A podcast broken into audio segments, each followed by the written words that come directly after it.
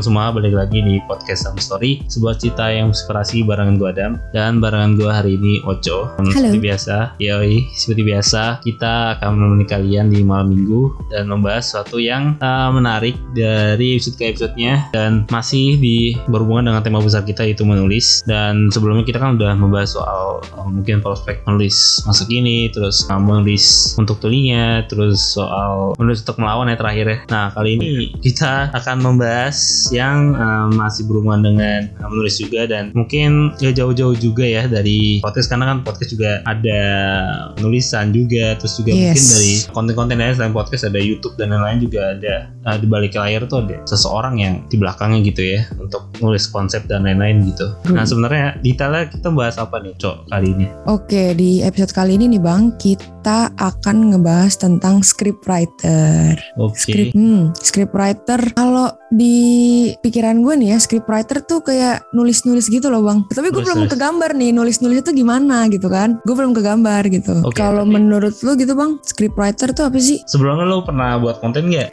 Sebelum sebelum Konten ya? ini, sebelum masuk some story lo pernah buat konten gak? Sebelum masuk eh, some story, konten, konten. Nggak pernah sih, gue lebih kepada kayak jadi ya kayak gini, jadi podcaster aja gitu, terima script gitu. Jadi lu belum pernah yang kayak pre-production terus kayak lu cuman apa ya untuk ngikut di productionnya aja berarti ya? Mm-mm. Gue nggak pernah tuh tahu kayak skripnya tuh gimana sih idenya tuh gimana bikinnya tuh gimana gitu gue nggak terlalu ngeh tuh kayak gitu-gitu Hmm, iya iya iya. Nggak tahu sih gua lu zaman lu ngalamin juga atau enggak ya? Hmm. Karena setiap gua pelajaran bahasa Indonesia dulu hmm. itu selalu tuh guru gua dari mungkin SMP, SMA gitu. Itu tuh selalu ngasih tugas untuk bikin short movie. oh iya Iya, oh Gak tahu kenapa banget. apa hubungannya bahasa Indonesia dan short movie gue juga gak tahu. Cuman di dari semenjak itu mungkin ya kadang tuh gue pengen ngerasa kalau bikin konten tuh harus ya ada, ada gambarannya ada, Ada base-nya gitu ya. base-nya gitu. iya iya Tapi iya. pada akhirnya pada eksekusi improve juga sih.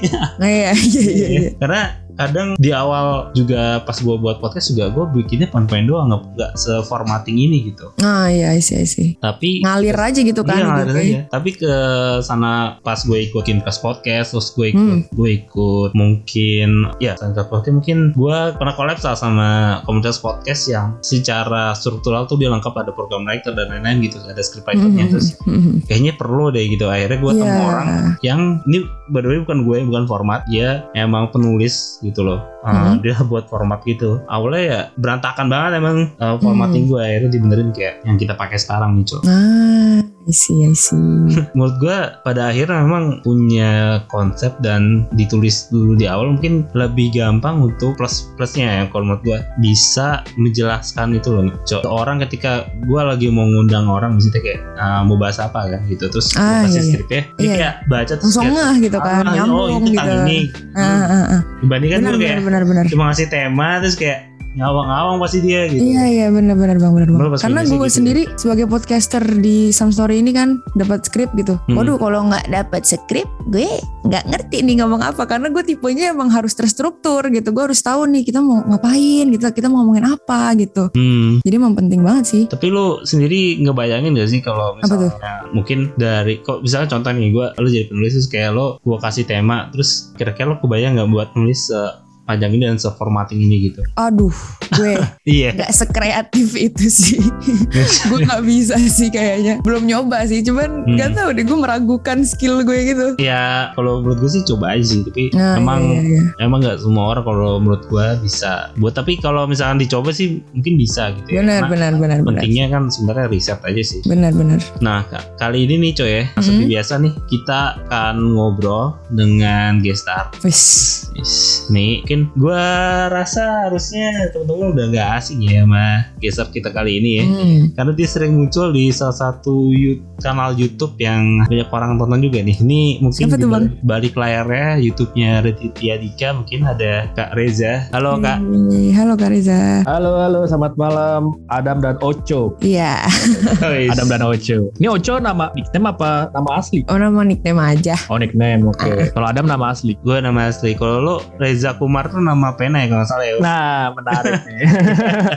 Dari gua lahir sampai gua umur berapa ya? Kita tahun 2018 lah. Itu nama gue masih Reza Reynaldo. Uh, Terus Hmm. terus habis gitu gue ketemu sama penulis penulis kalau kalian tahu namanya Jombang Santani Kairen JS Oh Kairen. ya, tahu tahu. Dia, dia dia tuh nulis 30 paspor kalau nggak salah yang sempat Iya. viral dulu tuh. Jadi dia asistennya Profesor Renat Kasali. Gue bareng dia tuh lagi bikin konten di channelnya Bang Radit. Jadi kita lagi bikin konten soal kehidupan penulis versus musisi. hmm. Nah setelah selesai konten kita take kita duduk bareng tuh di sebuah restoran. Udah malam, udah nunggu pulang. Kita ngobrol-ngobrol soal uh, buku yang baru terbit. Jadi kan gue baru, gue baru terbitin buku tuh uh, tahun 2017, Hmm. 2017 akhir. Terus nama gue uh, Reza Renaldo di buku itu. Tiba-tiba si Jombang ini si Jess Karen ini cerita sama gue. Gue itu dulu jual uh, waktu bikin buku pertama kali, nama gue tuh gue tulis Jombang Santani Kairen. Jadi namanya cukup panjang, tiga kata. Udah dia buku pertama, kedua, ketiga uh, hasilnya kurang bagus hasil penjualannya sampai akhirnya dia kepikiran untuk menyingkat namanya jadi JS Kairen Hmm. sehingga pas dia perubahan nama itu sangat signifikan waktu dia menerbitkan buku berikutnya dengan nama itu ya JS Iya. Kairen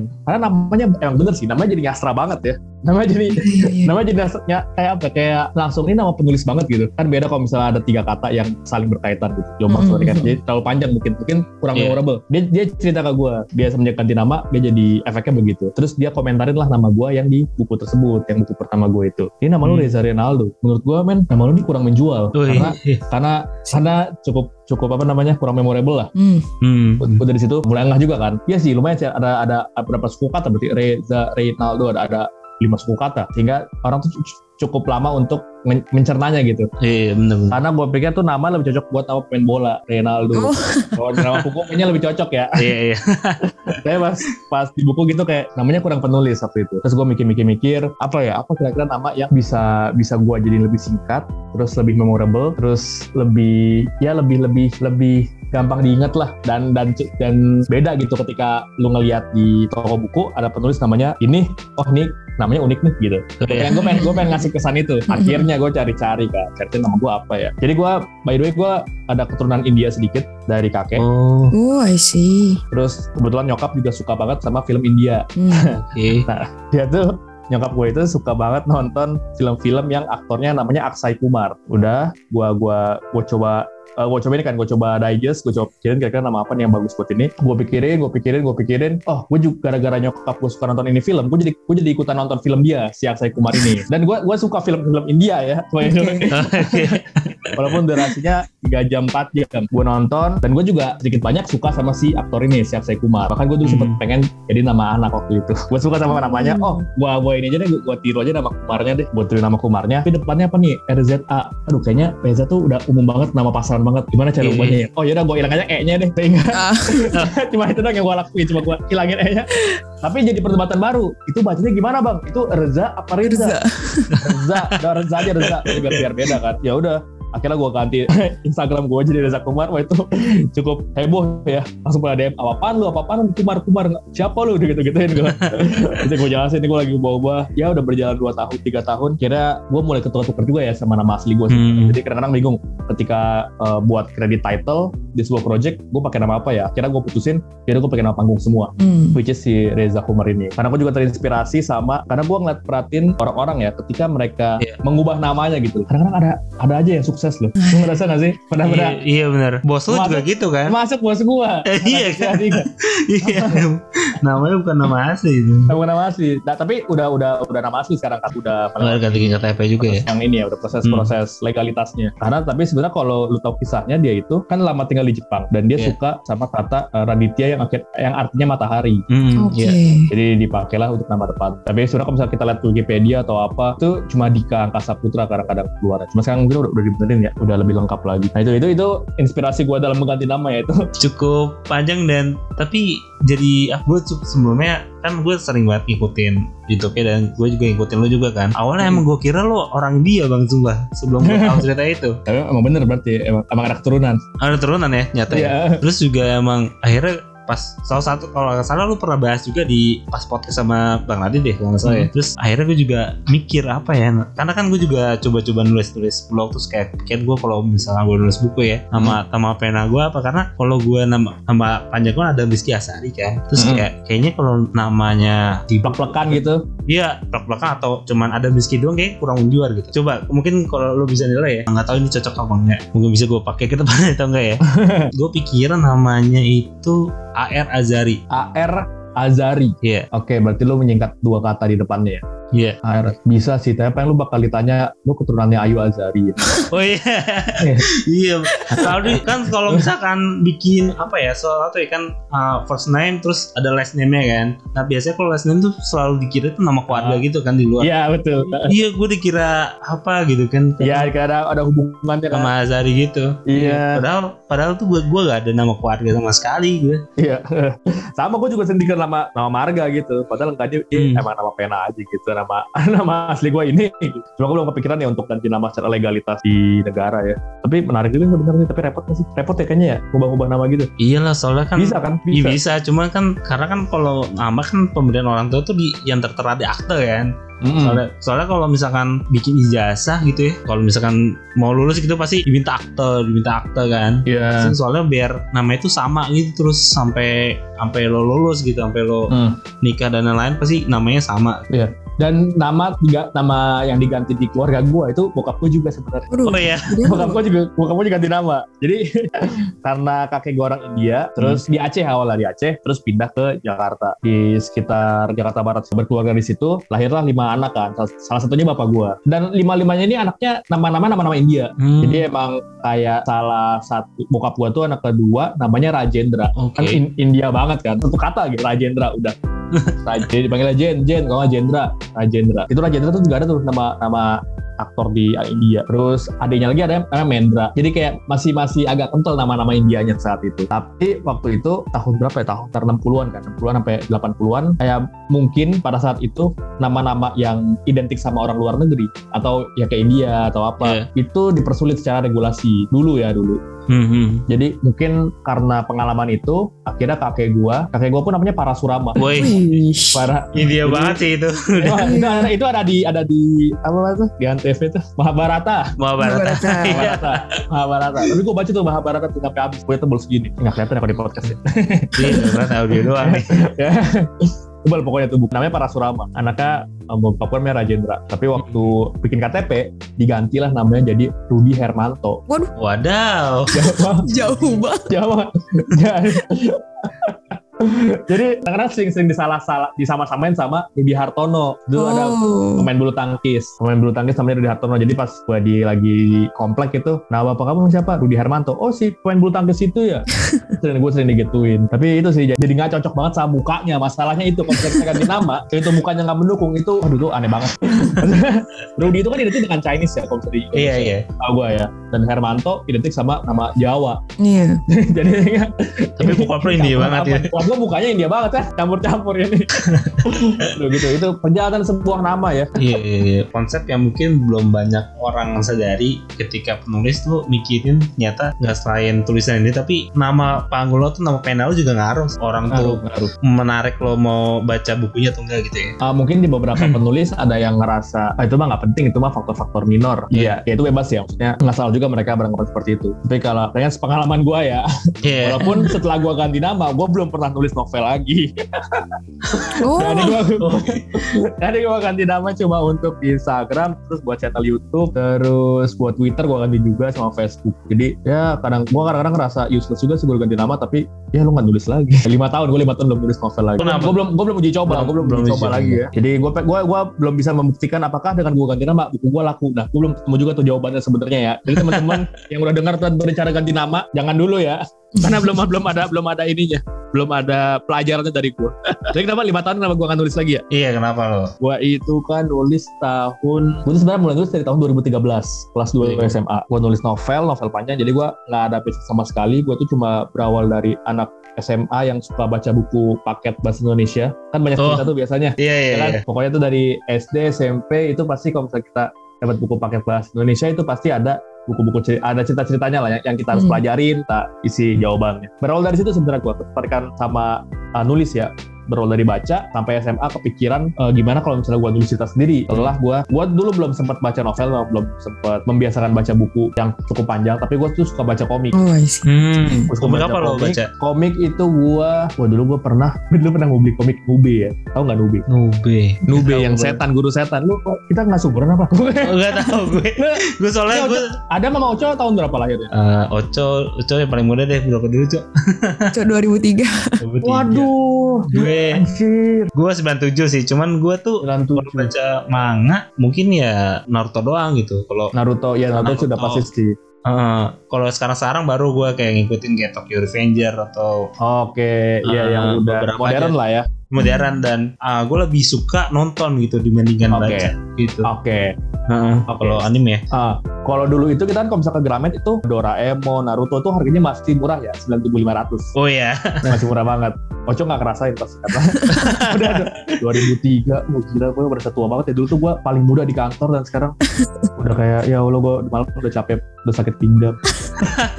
Aduh, jadi ya, Mulai dulu gue berasa pernah, iya iya udah mulai berasa. Dulu tuh gue tuh pengen beli komik Nube. Salah satu komik favorit gue ya, karena gue nonton filmnya. Kalian kalau misalnya googling ada namanya eh, Nube aja udah ketemu sih. Cuma nama, nam- judul film aslinya tuh gue lupa. Pokoknya tentang tentang seorang guru yang punya tangan iblis. Hmm, Jadi guru-guru ini tuh sempat nolong tangannya tangannya ke amputasi karena lagi gue lupa pertarungan apa-apa. Oh dia tuh ini dia sebenarnya kayak kayak semacam indigo indigo gitu. Oh. Jadi Oh. indigo indigo yang yang ngusir-ngusir hantu di sekolah. Nah terus dia oke. awalnya tuh dia tuh cuma pakai metode kayak bawa apa sih alat-alat yang punya dia lah a- alat-alat otodidaknya dia. Kayak ada ada ada apa sih kayak jimat-jimat gitu. Mm. Hmm. dia kira melayani lah orderan buat uh, ngusir setan. Sampai satu hari dia tuh disuruh ngusir setan yang kuat. Sehingga sampai tangannya putus. Tapi pas tangannya putus kekuatannya keluar dan dia bisa membuat iblis yang paling kuat saat itu terjebak di tangan dia jadi tangan tangan dia tuh tangannya tuh jadi tangan tangan iblis tangan setan cakar setan terus dia sarungin pakai sarung tangan hitam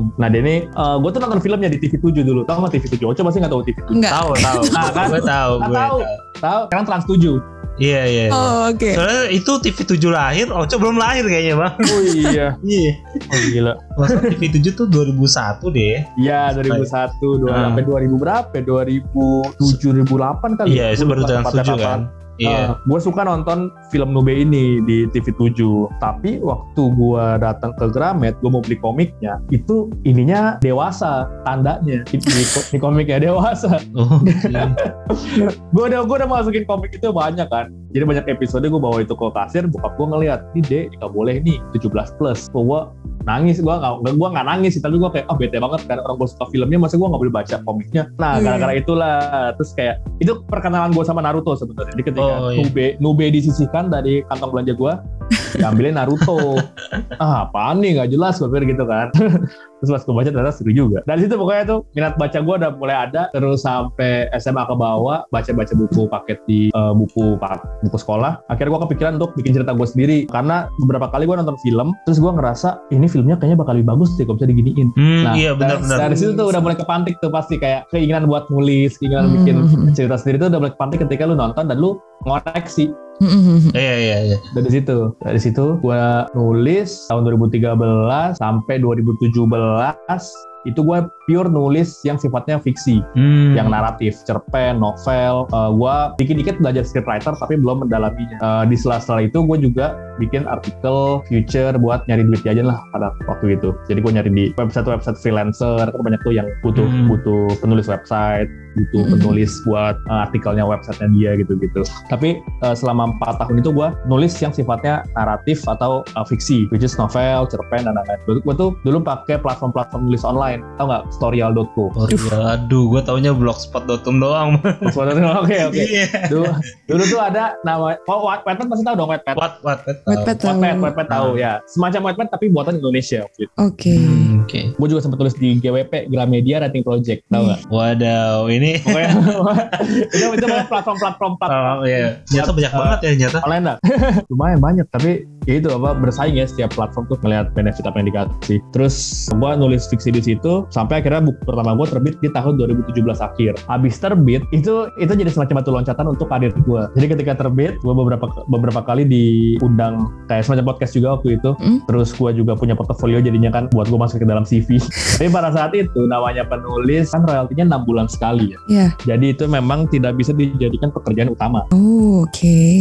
Jadi enam bulan sekali, jadi setahun dua kali doang keluarnya. Dan itu pun kalau misalnya buku lu laku, itu baru mulai terasa. Karena kan cetak ulang cetak ulang. Jadi Hmm. kalau buku lu terbit di sebuah penerbitan itu biasanya di- dicetak 2.500 eksemplar. Ush, mantap. Kalau misalnya udah sold out, cetakan kedua, cetakan ketiga, Hmm. dan seterusnya. Nah itu udah mulai terasa sebenarnya. Tapi waktu itu novel gua, novel pertama Hmm? itu nggak itu sekitar nggak nyampe seribu kalau nggak salah penjualannya. Hmm. Jadi memang nggak terlalu banyak yang gue dapat dari nulis novel pada saat itu. Jadi akhirnya gue tetap cari pekerjaan-pekerjaan yang ngantor. Iya, iya, iya. Jadi gue sempat kerja di Gold's Gym itu di sebuah event organizer. Dia tuh Hmm. kerja sama-sama Gold's Gym. Tahu Gold's Gym? Tahu, tahu. Gold's Gym tahu ya, anak gym nih. Adam tahu nggak Gold's Gym? Tahu tahu tahu. Ya Gold Gym yang ada di Citos juga kalau nggak salah ya. Kita sadar ya. Iya kan? Ya, gue di Gold Gym, gue kerja sebagai content writer dan admin. Di situ gue mulai nulis-nulis yang sifatnya bukan cerita tuh. Gue mulai belajar nulis-nulis konten, pure konten ya. Jadi Hmm. caption, visualnya apa, gak apa, gue harus posting apa hari ini. Itu gue Oh. megang tiga, tiga sosmednya, Facebook, Twitter, sama Instagram. Jadi gue bikin program reguler, kayak misalnya Senin Monday Motivation, Selasa tip kurus, atau Rabu makanan apa sih yang harus kita makan waktu lagi diet kayak gitu-gitu. Itu gue mulai pelan-pelan, mulai kepecah tuh. Gue mulai belajar tadinya nulis cerita, naratif, terus bikin yang sifatnya editorial, konten Iya, planning benar-benar. gitu-gitu kan. Hmm. Dari situ gue belajar uh, bikin konten, terus ngeliputan juga. Jadi gue satu beberapa kali liputan di acara-acara Gold Gym. Nah dari situ gue mulai mulai kepecah tuh fokus gue. Jadi ketika gue merasakan, oh ketika gue ngelakuin, gue kerja di tempat kantor atau apa gitu, gue dapat penghasilan lumayan nih. Hmm. Jadi kadang-kadang gue mikir tuh gue kadang-kadang kalau misalnya gue ketemu orang itu dia jadi menjadi penulis, gue tuh masih kayak bertanya kenapa emang kenapa lu menjadi penulis? Karena sebenarnya kalau kita ngomongin duitnya ya, apa maksudnya profitnya ya itu cukup panjang perjalanannya, nggak nggak instan gitu loh. Nggak serta-merta lu bisa tulis novel, bisa nulis cerpen tiba-tiba dapat duit sabrek gitu, nggak juga. Jadi ada juga yang mikir jadi penulis biar terkenal, kan terkenal Hmm. dapat endorse segala macam. Itu menurut gua mindset-mindset yang salah buat penulis-penulis pemula. Karena pada akhirnya kita juga butuh fresh money gitu kan. Kita butuh hidup untuk itu. Akhirnya gua kerja, kerja, kerja sampai ketemulah uh, Bang Radit. Nah, di Oke. Bang Radit gua makin makin lebih banyak belajar nulis-nulis yang sifatnya naratif tapi beda-beda platform, beda Hmm. output gitu loh. Which is di script di script writer, di script writing, Hmm. terus gua nulis storyline, terus gua nulis sketsa-sketsa pendek. Jadi gua udah mulai meninggalkan nulis novel yang ratusan halaman gitu ya, yang Hmm. Iya. cukup panjang. Tapi gue lebih belajar nulis-nulis cerita-cerita pendek yang juga gua gua store ke Radit kan pada saat itu. Jadi gua keasah nulis skripnya itu sebenarnya ketika kerja. Tapi waktu gua dengar-dengar ya, dari dari sutradaranya AADC, Pak Jujur namanya Mhm. Pak Jujur. Katanya orang yang berawal dari nulis fiksi itu lebih gampang untuk uh, nulis skrip Oh, gitu karena karena kita udah punya udah punya dasar dasar berceritanya dulu di dalam kepala kita. Hmm. Karena kalau misalnya nulis skrip sama nulis novel itu beda banget. Itu beda banget. Karena kalau kita nulis skrip itu kita harus nulis hal-hal yang terlihat. Ya, Iya iya. Kalau nulis novel kita harus nulis yang membuat pembaca kita merasakan. iya, iya. Oke, I see, I see, Iya kan? I see. Jadi itu perbedaan signifikan banget gitu loh. Ketika gua nulis nulis novel itu bisa be- berbulan-bulan, Hmm. tapi kalau misalnya nulis skrip yang durasinya berapa? Setengah jam misalnya 30 menit itu bisa selesai dalam seminggu. Hmm. karena memang yang ditulis hanya hal-hal yang terlihat. Tapi kan untuk untuk nulis hal-hal yang terlihat juga kita perlu punya fondasi berpikir Hmm. berceritanya kan. Nah benar-benar pengalaman nulis uh, novel fiksi lah itu. novel itu lah yang Hmm. bikin lebih gampang ketika nulis skrip Iya. jadi kalau misalnya teman-teman ada yang pengen jadi scriptwriter coba belajar dulu nulis-nulis yang pendek yang sifatnya naratif Oke. karena karena yang lu butuhin adalah fondasi berpikirnya fondasi berpikir Mm-mm. uh, berceritanya itu sebelum ke teknis ya karena teknis itu kan bisa dipelajari lah Hmm. banyak kok buku-buku script writing sekarang ada kalau di Indonesia tuh ada dari Salman Aristo sama Arif Oke. Ashidik nama bukunya tuh kelas menulis skenario Hmm, hmm, hmm, hmm. jadi karena itulah karena gue mulai menikmati nulis skrip dan gue dapat beberapa freelance untuk nulis di beberapa OTT gue mulai mulai ini nih mulai mulai mu- mulai lama nafas gue udah mulai pendek untuk nulis novel yang panjang itulah kenapa Oke. Oh. terakhir novel gue Iya, terbit iya, tahun 2017 udah lima tahun tapi gue belum terbitin lagi. Tapi gue pengen mulai ini sih, pengen tulis lagi. Hmm. Itu Tapi janji gue di tahun ini. Tapi lo ini bakat teknik ya yang gue tahu mungkin gue juga pernah ikut eh, ikut kelasnya Bang Radit juga sama lo ya kan Oh, yang iya, iya. pendek kalau nggak salah ya Oh, kelas menulis ya. kelas menulis ya Hmm. sama gue pernah beli eh, kelas kelas.com-nya Ernest Kelas. Oke. Ah, ah, yang dia pakai teknik kalau gue baru paham banget yang premis terus sama dia juga Hmm. ngasih tahu tentang yang X, X sequence kalau nggak salah Oh, sec- sequence ya. Iya, 8 lo sequence. X8 sequence itu eh, lu pakai teknik itu atau lu selama mungkin nulis skrip yang tadi kan ada beda-beda tuh ada storyline, ada sketsa pendek Hmm. tuh lu pakai itu juga atau gimana nih? Uh, yang paling gua pakai itu adalah struktur tiga babak. Seperti kayak babak. Tiga babak. Karena kalau yang add sequence itu, 8 sequence itu itu identiknya dengan film panjang ya, yang durasinya mungkin sekitar 90 menit. Oh, Oke. Uh, karena sejauh ini tuntutan di kantor itu kebanyakan video-video pendek, jadi sketsa-sketsa paling 5 menit, 10 menit, itu jadi pakai struktur tiga babak teknik itu. Jadi op- opening, mid, ending, Uh, awal, tengah, akhir. Kalau misalnya add se- sequence itu itu lebih lebih kompleks lagi tuh. Jadi add sequence satu sequence biasanya itu ada 8 bit jadi sampai terjadilah sebuah cerita yang utuh Uh, ada lagi tuh midpoint di mana terus uh, kejatuhan di mana akhirnya tapi kalau misalnya lu belajar itu ya Iya. itu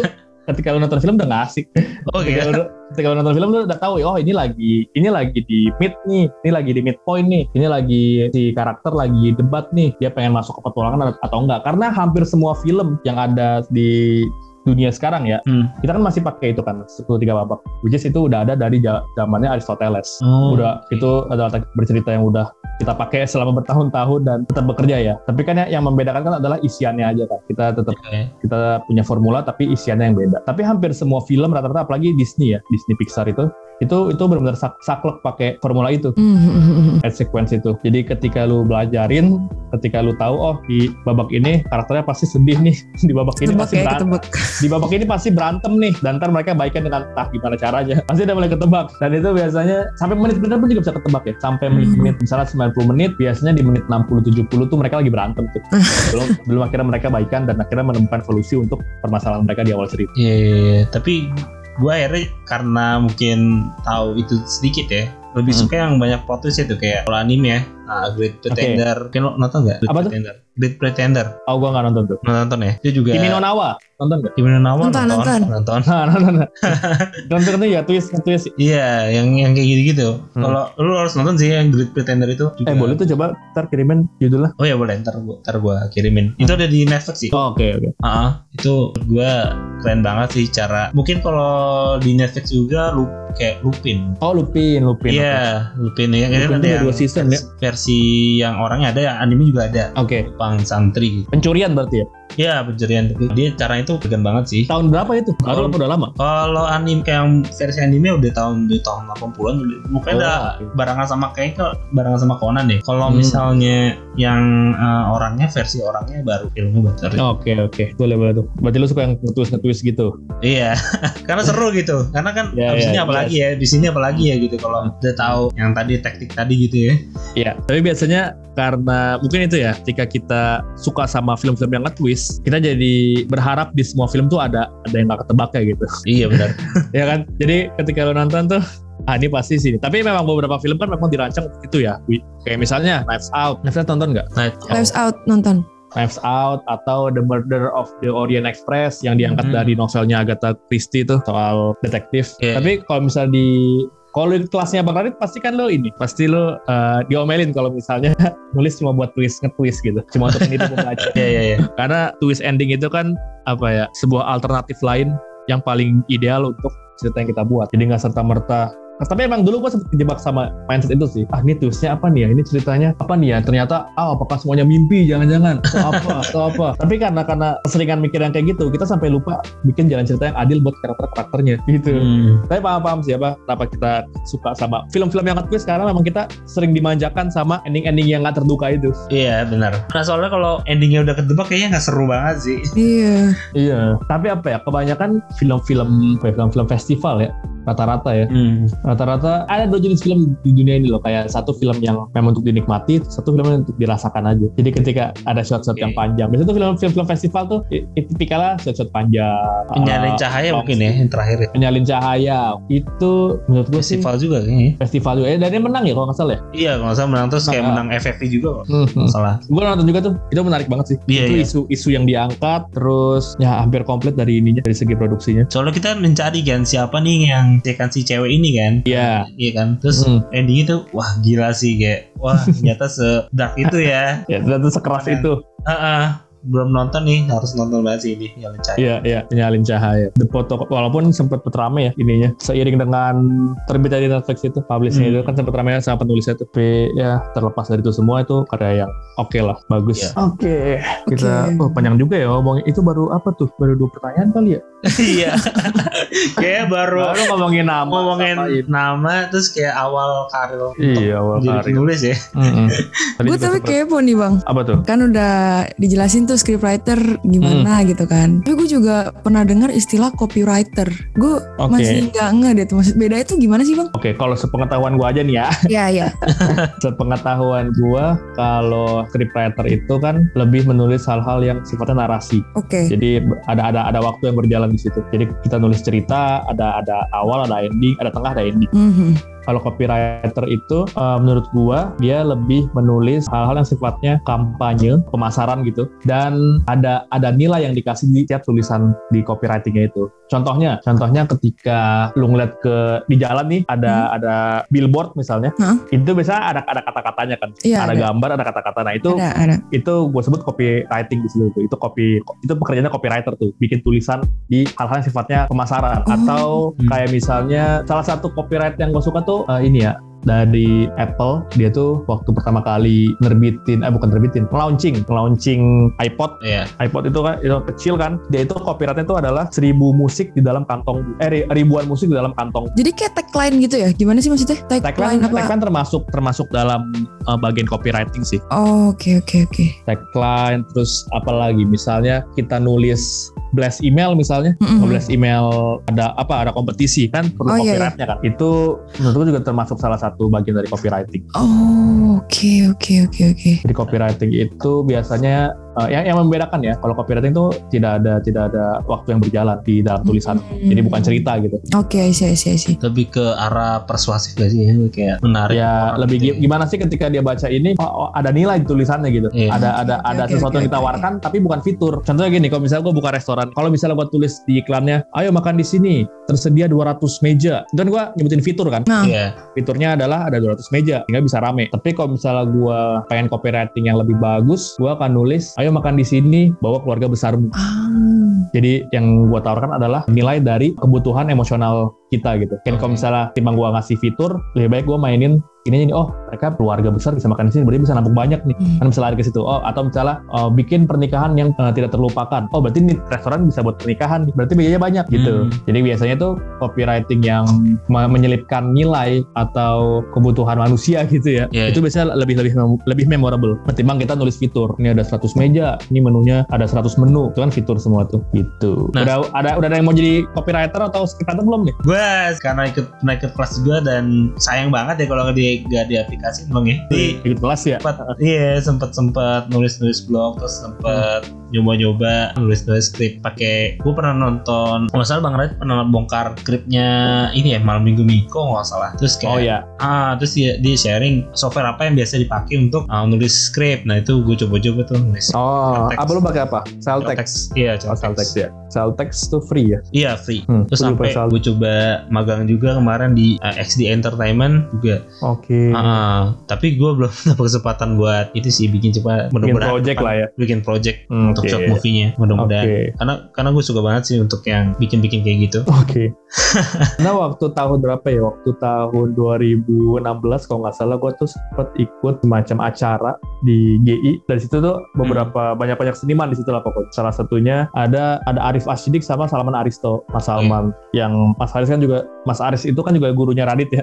iya iya. Radit. Dia tuh cerita kalau di si di Indonesia itu penulis skrip itu industrinya ya. Industrinya itu kayak stocking yang ditarik jadi stok. Oke. jadi stocking kalau ditarik kan melebar melebar melebar tapi bolong-bolong kan jadi Iya, bolong-bolong. Nah itu melambangkan penulis-penulis di Indonesia. Kita tuh industrinya berkembang pesat tapi kita kekurangan penulis nih sehingga banyak proyek-proyek yang nggak bisa direalisasikan. Beda sama India. India itu Bollywood kan gede banget ya dan Iya. itu yang bikin gede adalah isinya tuh masif banget penulisnya banyak sehingga banyak proyek yang bisa dikerjakan banyak penulis. Beda sama di Indonesia. Di Indonesia itu susah banget nyari penulis. Penulis yang matang gitu ya Iya, iya. dan apa yang salah gue juga nggak tahu apa sebenarnya apakah memang kita nggak punya semacam uh, wadah untuk menyetak penulis-penulis baru atau memang minatnya bukan di situ tapi sebenarnya kalau misalnya kita lihat kan industrinya kan juga jalan kan Indonesia banyak film iya. bagus dari Indonesia tapi Banget, penulis banyak banget. tapi penulisnya itu dia dia terus gitu Iya, iya, iya. karena karena memang memang stok penulisnya tuh sangat sangat kurang untuk memenuhi premis-premis yang udah disiapkan ya karena PH, kan PH juga nggak sih bang kayak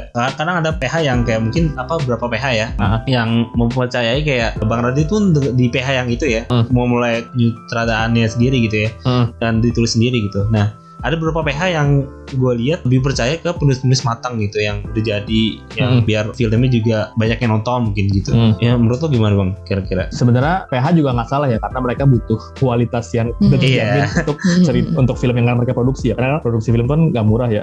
Itu gede banget. Eh, menurut gua yang eh, kurang adalah tempat belajar para penulis ini. Hmm, tempat jadi belajar ya. mm, jadi memang makanya kenapa kelas-kelas nulis itu rame banget ya. Karena minatnya ada nih minatnya ada tapi memang kan kelas-kelas kan cuma sebulan kali Hmm. dua bulan Hmm. sekali maintenance-nya ya enggak Iya, Ya. sehingga, sehingga ketika habis dia ikut kelas dia kalau nggak dia praktekin sendiri ya udah lenyap gitu ilmunya Benar-benar. dan ketersediaan para penulis untuk tidak mendapatkan uang ya di awal itu yang paling penting sih oh iya iya iya iya karena Bang. banyak yang udah karena mungkin beberapa teman-teman gue yang gugur gitu tadi yang nulis terus sekarang enggak karena memang dia butuh uang untuk hidup gitu sehingga dia Iya, iya. ninggalin kegiatan nulis dan fokus ke pekerjaan yang lagi dijalanin di semuanya sih karena selalu ya nanya yang orang mau jadi podcaster atau Hmm. mau buat podcast awal gitu bang soalnya Iya. emang gue sebenarnya yang bikin podcast profitnya apa sih gitu terus betul untungnya apa gitu itu yang Hmm. menurut gue mindset-mindset yang orang tuh kadang nggak bisa konsisten di situ betul karena niatnya seperti yang waktu gue ikut kelas ya kalau mau Hmm. masuk dunia kreatif punya mindset jangan pengen eh, Kaya. nyari duit gitu di situ jadi Hmm. kayak terkenal kaya kenal kayak ya apa ya menurut gue berkarya aja dulu gitu ntar Mm-mm. mungkin kalau memang istilahnya kalau gue pandangan gue kalau memang jalannya dan lo passion di situ ya tekuninnya terus pasti ada hasilnya juga lama-lama.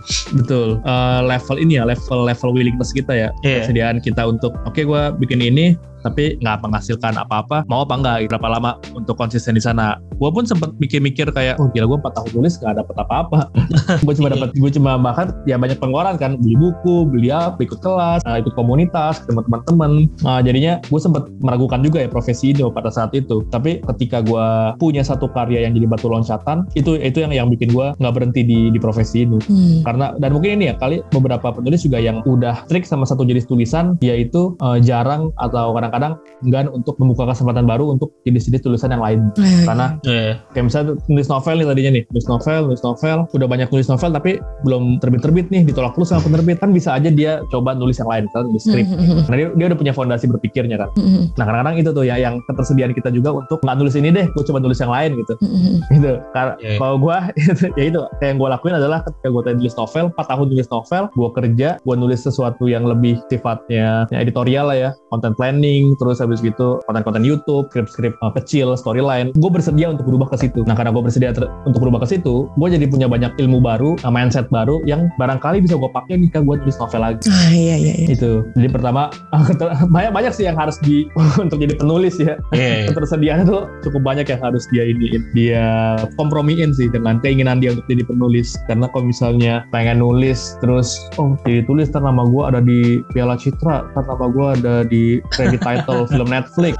Ya nggak salah gitu loh nggak salah. Tapi mau nggak ngelewatin proses panjangnya itu? Mau nggak ngelewatin hari-hari ketika lu tulis tapi nggak dibayar? Hmm. gitu. Cerita-cerita tentang gimana caranya jadi eh, berujung jadi scriptwriter kesibukan Bang Reza akhir-akhir ini apa Bang? Lagi ngerjain apa? Lagi garap naskah kah atau cerita gitu? Oke, kalau sekarang itu gue lagi uh, mengembangkan IP ya. IP itu intellectual property secara terminologi. Tapi kalau misalnya secara penjelasan, IP itu adalah eh ini lagi-lagi sepemahaman gue ya. IP itu tuh semacam satu satu ide yang Hmm. outputnya bisa jadi ke mana aja. Contohnya Hmm. Harry Potter itu IP, itu IP, itu IP Harry Potter dan dari satu ide itu outputnya banyak banget darinya dari novel, jadi film, Film, game. jadi game, jadi baju.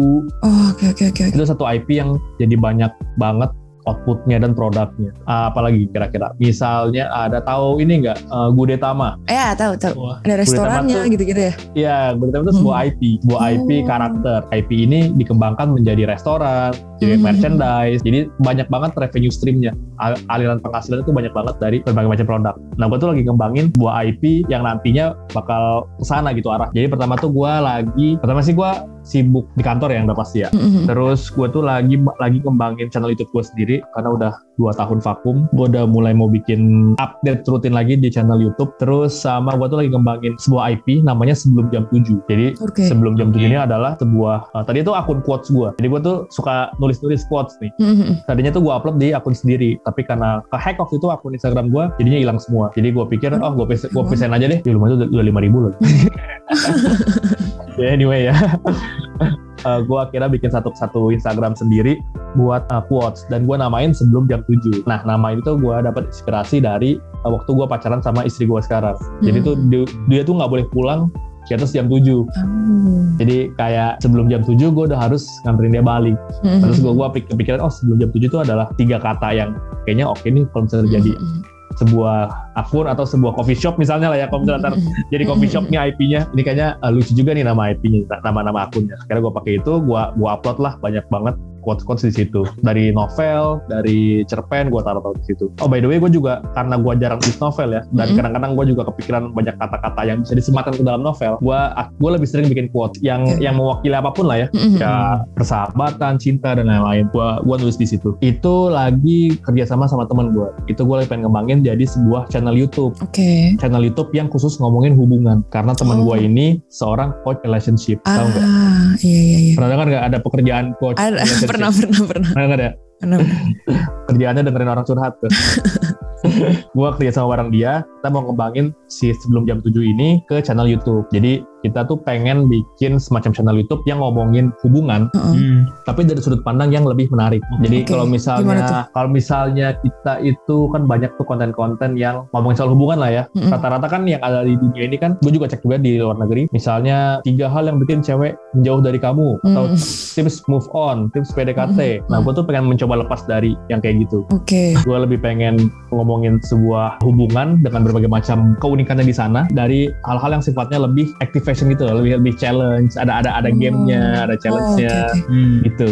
Jadi uh, channel ini pengen gua ya pengen gua gua harap sih jadi sebuah channel yang ngomongin cinta atau hubungan tapi tapi nggak nggak terlalu menye-menye gitu loh. Hmm.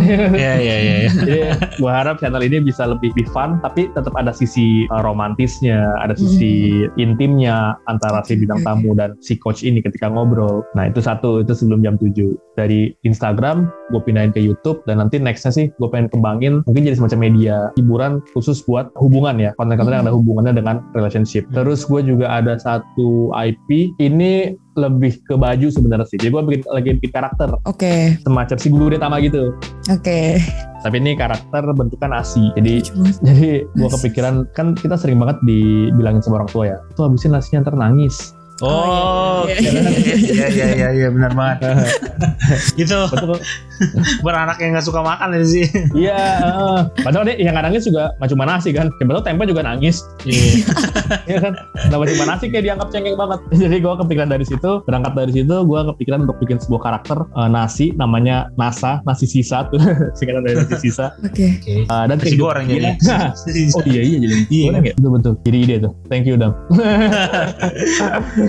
jadi si karakter nasi sisa ini dan beserta kehidupannya di sebuah sink kotor gitulah. Jadi sink Hmm. cuci piring Hmm. gitu. Di sana ada karakter lain ada kerupuk bopak. Jadi cuma kerupuk yang dimakan setengah gitu. Iya iya. Iya iya iya. Kan ini mereka nih hidup di situ dan gue pengen ngasih nilai-nilai apa ya? Nilai-nilai cerita-cerita. Eh, komik ya by the way. Iya. Oh.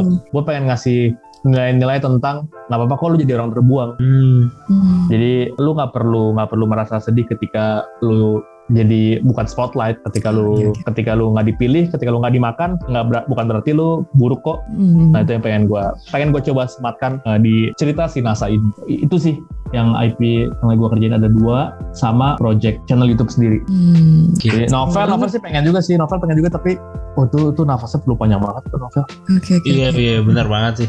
Nulis Iya. naskah novel tuh benar-benar Ah. Gue aja kemarin berhasil nulis cerpen langsung syukuran. wadah. iya dari dulu dulu gue bisa produksi cerpen seminggu sekali gitu ya. Untuk aktif lah di storyal.co waktu itu. Iya iya. platform nulis itu sekarang benar-benar nggak nulis sama sekali karena kepikiran juga sih kalau misalnya lagi merenung gitu wah gila gue gue ngakunya penulis tapi nggak nulis gitu tapi gue pikir-pikir oh gue juga nulis kok tapi beda platform aja gitu Mungkin ya. Sebenarnya gue banyak banget ya kalau misalnya kita mau bahas soal penulis, soal scriptwriter dan lain pasti panjang banget ya. Tadi kita aja cuma ngasih beberapa pertanyaan terus jawabannya lumayan panjang gitu ya. Iya. Di bahasan ya, ya kan? iya Nah, mungkin gue pengen nutup episode kali ini dengan satu pertanyaan terakhir. Mungkin lo bisa kasih saran dan tips mungkin buat teman-teman pendengar yang pengen mengikuti jejak lo sebagai scriptwriter ataupun penulis gitu di banyak kan penulisnya sekarang banyak banget ya.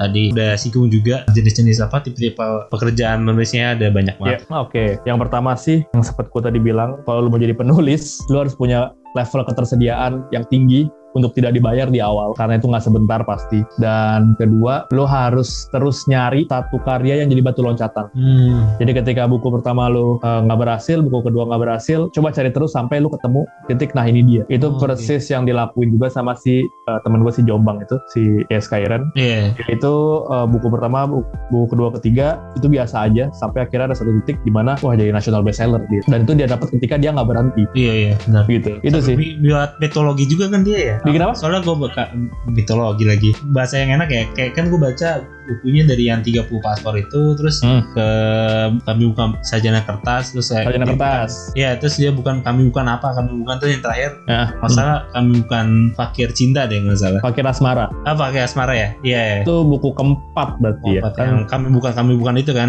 iya kami bukan sarjana kertas kami bukan jongos berdasi Kami yang ketiga gue lupa warna merah tuh gitu Iya, gue juga Nah, lupa. warna Warnanya warnanya apa ya? kuning Beda warna doang. merah pink Ini episode yang panjang tapi seru banget sih gue Seru banget. Kayak gak ada habisnya untuk dikulik ya. iya Gue berharap masih ada bikin part 2 nya gitu ya. Mungkin nanti Gila, next time. Story the best podcast Sam Story Mantap, thank you banget Bang Reja udah Siap. mau sharing-sharing nih ya. Mungkin kesimpulannya Cok dari sekian panjangnya dari awal Oke, kita bahas gitu oke. Kesimpulannya ya, Ya. seru, seru banget sih tadi dengerinnya karena gue langsung dapet insight baru gitu kan tentang scriptwriter dan emang basic dari tulis menulis nih ide terus juga niat ya. Kalau lu pengen jadi penulis lu harus niat Ben. Harus kayak maintain niatnya tuh harus ada gitu. Karena emang nggak bisa selalu menghasilkan gitu kan. Apalagi kalau baru awal-awal gitu ya. Jadi seru banget sih kalau gue bilang tuh api semangat ya lu harus mertahanin api semangatnya itu gitu iya iya iya Itu- benar-benar benar-benar itu yang gue lakuin ketika mau bisnis sama teman sebenarnya jadi Heeh. ketika lu ngobrol sama temen nih ketika lu ngomongin bisnis wah tuh pasti seru banget di awal pertemuan iya iya begini, iya. begini, Iya. begini, begini, begini, ntar gini, gini, gini, gini, gini, patungan, udah oke, ntar kita punya Eh, modal segini, segini. pas Pertemuan jalan. pertama, Jalan. Iya. pertemuan kedua, oh gue nggak bisa meeting, gue sibuk. Ah, mulai nyari-nyari udah mulai berkurang, mulai berkurang tuh, Ah, api, iya banget. api semangatnya udah mulai berkurang. Iya, iya, iya. Sama kayak nulis ketika gue punya ide cerita, ini keren banget, ini keren nih, gue tulis, tulis, tulis, tulis, sampai tengah halam, ah, udah 30 halaman, bingung, bikin cerita baru. Iya iya iya iya Nggak, ini nggak nggak jadi-jadi gitu. itu kayaknya gak cuma bisnis sih karena kan kita di sini sebenarnya komunitas gitu kan organisasi Oh, ya. oke. dan isinya tuh sekitar 30-an orang gitu bang Oh banyak juga ya. banyak Tapi dan si podcasternya siapa? Lu berdua doang? ah, enggak masih ada lagi Oh, masih Kita banyak. enam orang lah Oh, enam orang. Misalnya. Mm-mm, rotasi gitu Oke. itu benar-benar ya lumayan ada yang semangat jawab di grup ada yang hilang ada yang naik turun kan gitu ya Lagi 30 orang ya. 30 orang ya benar banget ada lagi gua ketemu organisasi bang eh, 80 orang tinggi Aduh. Wah gila sih itu I- Itu gue salut banget Makanya mereka bisa kompak tuh kayak Wah gila sih Ini satu orang kali akunnya banyak.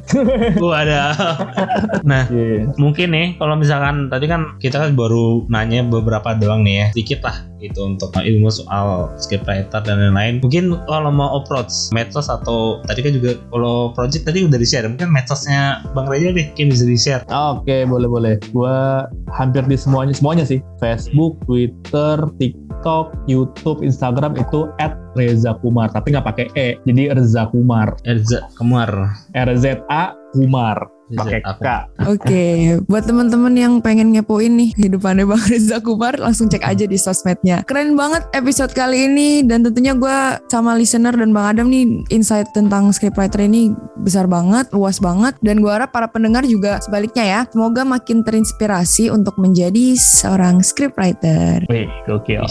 Mantap. Kalau ada teman-teman juga nih yang ingin bekerja sama dengan podcast Some Story, kalau ada ide atau konten untuk next konten, bisa hit us up on Instagram at podcast underscore some story dan juga bisa melalui email kita di podcastsomestory at gmail.com. Oke, thank you buat teman-teman semua yang sudah mendengarkan podcast Some Story episode ke-64 bersama Kak Reza Kumar and see you on the next episode. Dadah. Bye-bye! Dadah.